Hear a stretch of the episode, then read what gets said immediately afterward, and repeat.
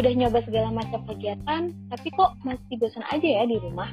Ah, kenapa? Mending dengerin siarannya Radio Kampus aja yuk. 107,3 FM Radio Kampus ITB, play your best music. Nah, sekarang kalian lagi mendengarkan Healthy Party Club. Stay at home, stay produktif. 107,7 FM Radio Kampus ITB, play your best music. Halo teman-teman mahasiswa, balik lagi dengan aku dan Isma di Healthy Party Club. Stay at home, stay produktif. Nih, apa kabar nih teman-teman mahasiswa? Udah lama banget kita nggak podcast ya, Mah? Iya, betul banget. Kemarin kita baru aja ngadain live IG bareng sama Dr. Raihan Maditra yang ngebahas soal hustle culture yang kalian bisa banget sekarang lihat dulu, dicek dulu di IGTV kalian. Dan mungkin kalian bisa juga nih merasa kalau misalnya hasil culture ini sama, kalian bisa komen terus bisa tanya-tanya juga. Nanti mungkin kita bisa bantu jawab. Nah, sekarang kita pengen membahas apa nih, Ti? Jadi sekarang kan waktu-waktu fase-fase di mana kita itu udah capek gak sih mah kayak udah capek kuliah, udah stres, udah hmm. moodnya tuh udah berantakan banget, ya kan? Betul nah, banget. Pas banget nih. Ini pengalaman aku nih. Kemarin banget nih, aku tuh capek banget karena tiba-tiba tugas tuh numpuk gitu hmm. tanpa aku kayak aku kan bisa kayak bisa aku kan biasanya memprediksi gitu kan kayak tugas ini deh ah kemarin tuh kayak di luar dugaan aku tugasnya sebanyak itu aku capek banget dan aku pengen minum eh makan yang manis-manis. Nah, ini berhubungan banget sama tema kita hari ini. Betul banget. Kemarin juga, Tik, aku juga baru banget ngerasain hal itu. Mungkin karena kita ada ujian praktikum ya. Semsol baru aja dan uh, lumayan menyita waktu jadi susah buat ngerjain tugas lain. Jadi tugas-tugasnya itu jadi numpuk. Mungkin teman-teman yang kemarin baru selesai aja UTS, kalian juga ngerasain yang sama. Kalian bad mood, kalian capek. Akhirnya kalian mengonsumsi gula berlebihan nih atau biasa kita sebut dengan sugar craving teman-teman. Dan apa sih sebenarnya sugar craving itu tik? Jadi menurut artikel dari dorbailetao.com ini tulisannya D O R E B Y L E T A O.com gitu ya. Berdasarkan riset yang dilakukan oleh seorang researcher human nutrition and consumption itu namanya Pills KM dan aduh ini rada susah namanya Nestrovic pakai C gitu ya maaf ya kalau salah bahwa mood dan emosi itu dipengaruhi oleh konsumsi makanan manis dan makanan manis ini dapat meningkatkan mood kita secara dalam waktu jangka pendek short term gitu dia. Dan berdasarkan hasil riset juga dibuktikan bahwa kondisi emosi kita ini juga akan menentukan jenis makanan apa atau jenis makanan manis apa nih yang kita konsumsi. Dan misalnya oke oke okay, lanjut. Enggak enggak sok gimana Oke, jadi dan makanan-makanan ini tuh dia bisa merepresentasikan nih mood kita tuh lagi apa sih? Lagi happy kah? Lagi sedih kah? Lagi mental breakdown kah? Misalnya nih kayak kalau misalnya kita mengkonsumsi coklat chip cookie katanya sih kita hmm. lagi happy. Nah, kalau ice cream hmm. kita lagi sedih, kalau coklat kita lagi anxiety, terus kalau kita konsumsi brownies atau dark coklat katanya kita lagi mental breakdown dan terakhir kalau kita konsumsi cake katanya kita lagi excited. Hmm. Kenapa tuh? Jadi katanya nih ya, kalau misalnya kita untuk brownies nih, katanya tuh mental breakdown itu digambarkan sebagai volcano yang meledak pada timing yang sangat buruk yang membuat kita tuh gak berhenti untuk nangis.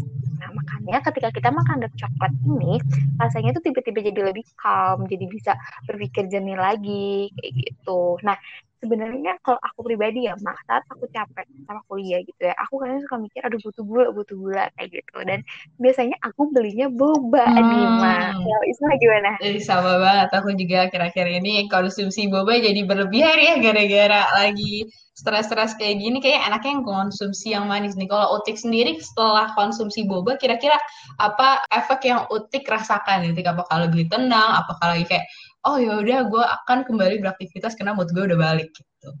Oke, jadi aku adalah orang yang mengembalikan mood aku dengan makanan gitu kan. Jadi ya gak, gak salah kalau misalnya aku stres itu pasti aku naik berat badan gitu. Kan. Hmm. Nah, kemarin itu emang lagi capek-capek banget dan aku mikir kayak aduh aku butuh sesuatu yang manis tapi aku nggak mau makanan misalnya kayak nggak mau kue gitu gitu kan mm-hmm. terus oke okay, kita beli boba aja aku beli boba walaupun bobanya itu boba, bukan boba yang mereknya terkenal yang ah gimana? gitu lah rasanya. Tapi pas minum itu tuh ada rasa kebahagiaan tersendiri yang akhirnya oke okay, sekarang waktunya saya menugas gitu. Iya betul banget. Jadi itu teman-teman contohnya sugar craving di mana kita tuh butuh makanan manis untuk meningkatkan mood kita. Nah mungkin kalau misalnya hmm. karena kita anak farmasi ya kita pengen sedikit membahas cara ilmiahnya nih kenapa sih sebenarnya sugar craving itu bisa terjadi. Jadi itu yang pertama karena adanya suatu caudate nucleus pada hemisfer otak kita yang menimbulkan adanya reward seeking behavior dan juga tuh bertugas dalam membentuk suatu kebiasaan baru nih. Contohnya misalnya kita tuh butuh makanan snack setelah kerja penuh seharian. Atau misalnya aku kalau misalnya setelah makan pagi atau siang aku tuh butuh untuk makan buah kayak semacam jeruk kah, semangka kah, melon kah.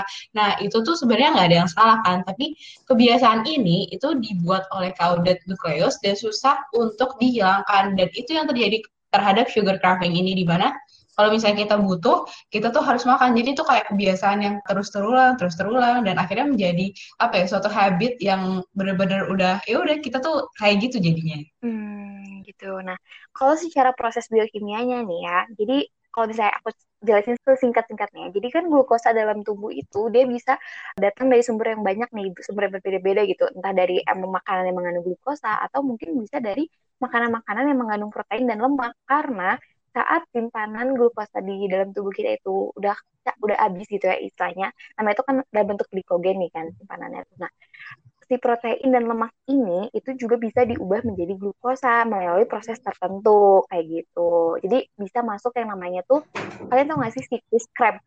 Nah itu dia juga bisa masuk ke situ dan menghasilkan energi. Nah kurangnya makanan protein dan lemak ini itu juga bisa meningkatkan sugar craving itu karena kan protein dan lemaknya nggak ada, akhirnya saat kita kekurangan gula nggak ada lagi hal-hal yang bisa diubah menjadi gula gitu. Makanya kita butuh asupan gula lagi. Betul banget.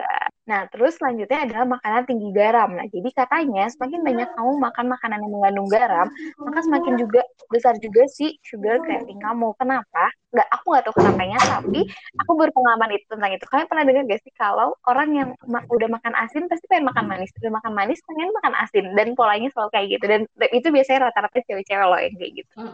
Betul banget. Dan mungkin kalian semua tuh tahu ya kalau misalnya kita mengkonsumsi gula secara berlebihan itu pastinya akan berdampak ke kesehatan kita nih jadi menurut halosehat.com nih konsumsi manis berlebihan itu dapat menyebabkan penyimpanan kalori yang tidak dibutuhkan karena pada dasarnya kan sudah terpenuhi nih dari jenis makanan lainnya. Dan meskipun itu tidak memiliki rasa terlalu manis ya makanan-makanan yang kita makan sebelum kita makan makanan manis. Dan sugar craving ini tuh dia menyebabkan ketidakseimbangan nutrisi karena kita tuh lebih banyak nih memilih makanan yang tinggi glukosa dibanding makanan yang mengandung vitamin, mineral, protein, dan juga serat.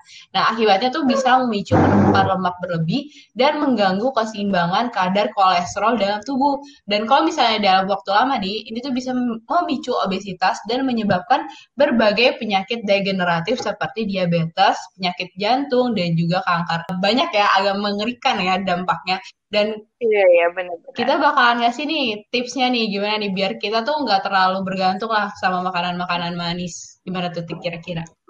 Jadi yang pertama itu teman-teman tuh bisa konsumsi buah. Buah yang di sini itu adalah buah yang manis gitu. Tapi jangan yang kadar gue itu tinggi. Contoh gula gue kadar gue tinggi tuh kayak semangka yang kayak gitu gitu kan. Nah kalian bisa makan buah-buahan yang ada gulanya tuh standar-standar aja gitu kayak apel atau dia lebih rada asin asam sih. Cuman ada manis-manisnya dikit kan ya. Mm-hmm. ke melon yang kayak gitu-gitu loh. Nah terus juga bisa makan berry nih. Berry juga kan suatu jenis-jenis buah-buahan. Terus juga bisa makan dark coklat kenapa dark coklat karena kalau dark coklat itu kan dia coklat murni ya. Dan coklat murni itu rata-rata pada gue itu nggak setinggi coklat-coklat kayak yang biasa-biasanya kayak coklat-coklat yang bungkusnya itu kayak kacang-kacang itu tau kan. Nah terus kayak coklat yang bungkusnya ungu gitu kan. Dia kan dicampur sama susu ya di mana susu ini juga berpengaruh sama kalori yang kita makan saat kita makan coklat kayak gitu. Nah terus juga bisa makan snack bar. Bar tuh kayak uh, bisa makan fit bar atau yang tojo yang kayak gitu-gitu. Bisa makan chia sama permen karet juga bisa. Nah permen karet itu bisa pakai yang min bebas gula. Nah ini pengalaman aja ya. Jadi dulu kan waktu aku diet itu kan kalau bisa makan gue tuh dikit gitu kan. Jadi kalau dulu waktu pas SMA kalau aku mengalami yang namanya sugar craving itu kadang karena aku lagi diet akhirnya aku beli permen karet deh. Jadi aku makan permen karet hmm. untuk menggantikan gulanya itu kayak gitu. Nah terus juga bisa konsumsi yogurt, terus kurma, sweet potato, smoothies, dan sayur. Enak nih smoothies. Iya betul banget. Ini mungkin berdasarkan based on experience ya. Jadi aku biasanya tuh Hmm. kalau makan makanan setelah makan ya, karena aku harus makan buah entah apa itu ya. Biasanya aku makan jeruk sih yang ada di rumah. Nah selain itu tuh di rumah aku tuh sering banget ada yogurt dan menurutku yogurt tuh bantu banget kayak kalau misalnya nih aku habis makan terus entah beberapa saat kemudian aku butuh nih untuk mengasupi sugar craving aku, aku biasanya mungkin makan yogurt kalau misalnya ada yogurt di rumah dan ini tuh biasanya membantu banget karena entah kenapa ya kalau aku makan yogurt tuh rasanya tuh kayak makan es krim gitu yang bisa kita ketahui lah kalau bisa kita makan es krim tuh efeknya tuh sama aja kayak kita memenuhi asupan sugar craving yang sebenarnya gitu. Jadi kalau misalnya aku ada ice cream dan yogurt, otomatis aku pasti pilih yogurt karena yogurt tuh apa ya lebih sehat dan ibaratnya nggak apa ya nggak terlalu berdampak lah kalau misalnya kita pengen menyembuhkan sugar craving kita itu sih kalau misalnya pengalaman aku sama hal-hal yang bisa membuat kita lebih mengurangi sugar craving kita. Hmm, betul banget. Sama kayak Isma, aku juga kalau misalnya di rumah itu ada yogurt, aku pasti minum yogurt gitu. Nah, tapi gini ya sih kalian kalau misalnya lagi bulan-bulan menuju puasa atau belum puasa, baiknya tuh kurma kan. Oh iya betul. Nah, ya kan? Nah, aku tuh kadang kalau misalnya lagi dapat kan karena kita nggak puasa, jadi orang rumah tuh kadang mikirnya semua orang puasa gitu. Jadi nggak ada masak apa pun gitu kan. Siang-siang tuh kita mencari makan sendiri gitu Mm-mm. Membuka kulkas, membuat makanan sendiri untuk diri kita sendiri gitu. Nah, kadang kalau misalnya aku lagi tumbuh si sugar craving-nya itu, kan ada kurma, aku biasanya makan kurma, dan itu benar-benar lumayan sih, misalnya lumayan mengatasi si sugar craving itu, karena makan manis ya teman-teman, dan dia itu padat gitu loh. Jadi sambil kita menutupi rasa kelaparan akan gula, kita juga bisa menutupi rasa lapar gitu kalau aku ya. Hmm. Karena padat kan kurma itu. Iya, setuju tuh. Jadi teman-teman di sini tadi bisa nih kalau misalnya kalian emang lagi sugar craving atau lagi butuh asupan gula, eh, karena mindset kalian mengatakan kalian butuh gitu. Kalian bisa makan makanan yang udah kita kasih tahu di atas atau mungkin kalian bisa cari referensi lain nih. Kira-kira apa sih yang seenggaknya bisa memenuhi asupan manis-manisan gue tapi nggak membahayakan kesehatan gue gitu. Dan ini nih mungkin aku ada tips lain kalau misalnya tadi mengganti asupan gula kita.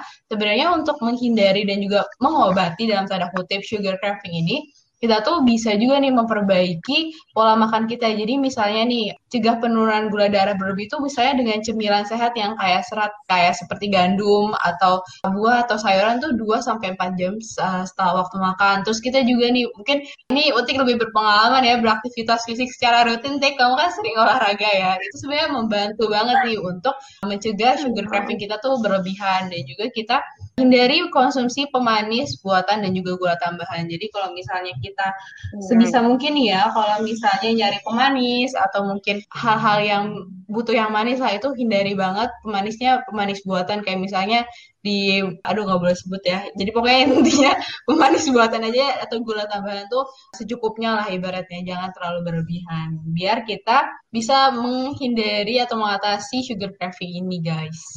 Bener banget. Terus aku juga ada sedikit tips yang aku dapat dari YouTube-nya Kak Aulia yang kalian tahu kan yang dunia dia masuk tes itu. Jadi dia tuh pernah ngasih tahu kalau misalnya kita pengen minum boba tapi kita tuh gak mau terlalu tinggi kadar gula yang masuk dalam tubuh, gak mau jadi gendut, saya tuh gampang. Kalian tuh bisa datang ke tempat bobanya, bawa gula gula diet, gitu kan? Hmm. gula diet, bawa gula diet, terus kalian minta si gula yang buat boba kain itu ditukar sama gula itu, dan itu kayak gak apa-apa gitu loh dari si toko bobanya, gitu Hmm. guys. Jadi kan, maksudnya bobanya dapat, tapi gulanya juga gak terlalu banyak. Iya betul betul setuju. Itu ini ya insight baru ya kayak aku baru tahu juga ternyata bisa ganti pakai gula diet kayak gitu. Bisa tuh teman-teman yang mungkin pecinta boba kayak Utik di contoh gimana cara kerjanya kasih gula diet terus habis itu minta ke mbaknya gitu. Kalau misalnya berarti ini kalau misalnya offline ya Tik. Kalau online kita GoFood lah susah ya Tik.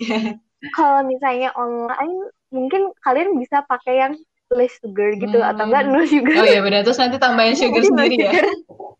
Iya, bener-bener. kreatif kreatif. Boleh boleh. Bisa tuh teman-teman dicontoh. Dan kalau misalnya menurutku kalian udah kebiasaan banget nih untuk sugar craving kayak gini itu menurutku mulai sekarang mulai hati-hati. Karena seperti yang kita tahu ya dan sudah dijelasin tadi kalau misalnya sugar craving ini kalau kita lakukan sebagai suatu habit itu akan berdampak baik ke kesehatan kita dan juga di masa yang kayak gini kan kesehatan tuh udah jadi nomor satu ya teman-teman. Jadi semoga kalian bisa menjaga kesehatan kalian dalam bentuk apa pun termasuk dalam hal ini dengan menjaga hal-hal kecil ya semacam ini. Oke benar. Jadi sebenarnya sugar craving itu adalah hal yang wajar dan kalau menurut aku kalau misalkan emang dengan mengonsumsi makanan manis itu kerja kalian ke depan menjadi lebih produktif atau bahkan lebih baik sebenarnya nggak apa-apa asal dalam kadar yang tertentu gitu. Jadi jangan karena kalian mikir oh aku lagi butuh gula gulanya tuh satu kilo gitu mm. kalian masukin ke dalam tubuh kayak ya udah misalnya aku butuh gula oke okay, makan coklat satu satu kotak yang kecil tuh nggak sih kalau merek es itu kalian potong mm. nah, kayak gitu gitu cukup misalnya kayak gitu jadi kan kalau sugar craving asalkan masuk gula kan nggak ada kadar gula berapa yang harus masuk gitu betul sekali jadi gitu sih Oke teman-teman, jadi terima kasih banget udah dengerin podcast kita hari ini. Terima kasih juga untuk tetap support Healthy hmm. Party Club. Semoga kita tetap bisa bikin podcast-podcast yang insya Allah bermanfaat ya buat teman-teman semua. Dan kalau misalnya ada request soal tema atau materi yang pengen dibahas, kalian bisa banget DM ke IG-nya at Radio Kampus ITB atau ke IG masing-masing kita. Di aku ada at ismaifdh. Di aku di at Yutika NDHRA. Yutikanya tuh Y-U-T-H-I-K-A ya teman-teman. Iya, aku ada at Sampai sini podcast kita hari ini. Stay tune terus dengerin podcast-podcast dan live IG-nya at Radio Kampus karena akan ada banyak banget hal-hal menarik dan narasumber yang pastinya keren dan sayang banget kalau untuk dilewatin ya teman-teman. Hmm, bener banget, karena live IG-nya Radio Kampus ITB itu selalu bermanfaat gitu, selalu bermanfaat, ya. selalu memberikan insight-insight baru nih buat teman-teman mahasiswa. Jadi jangan sampai kelewatan ya. Yes. Stay tune terus di Healthy Party Class. Stay at home, stay productive. Dadah. Bye.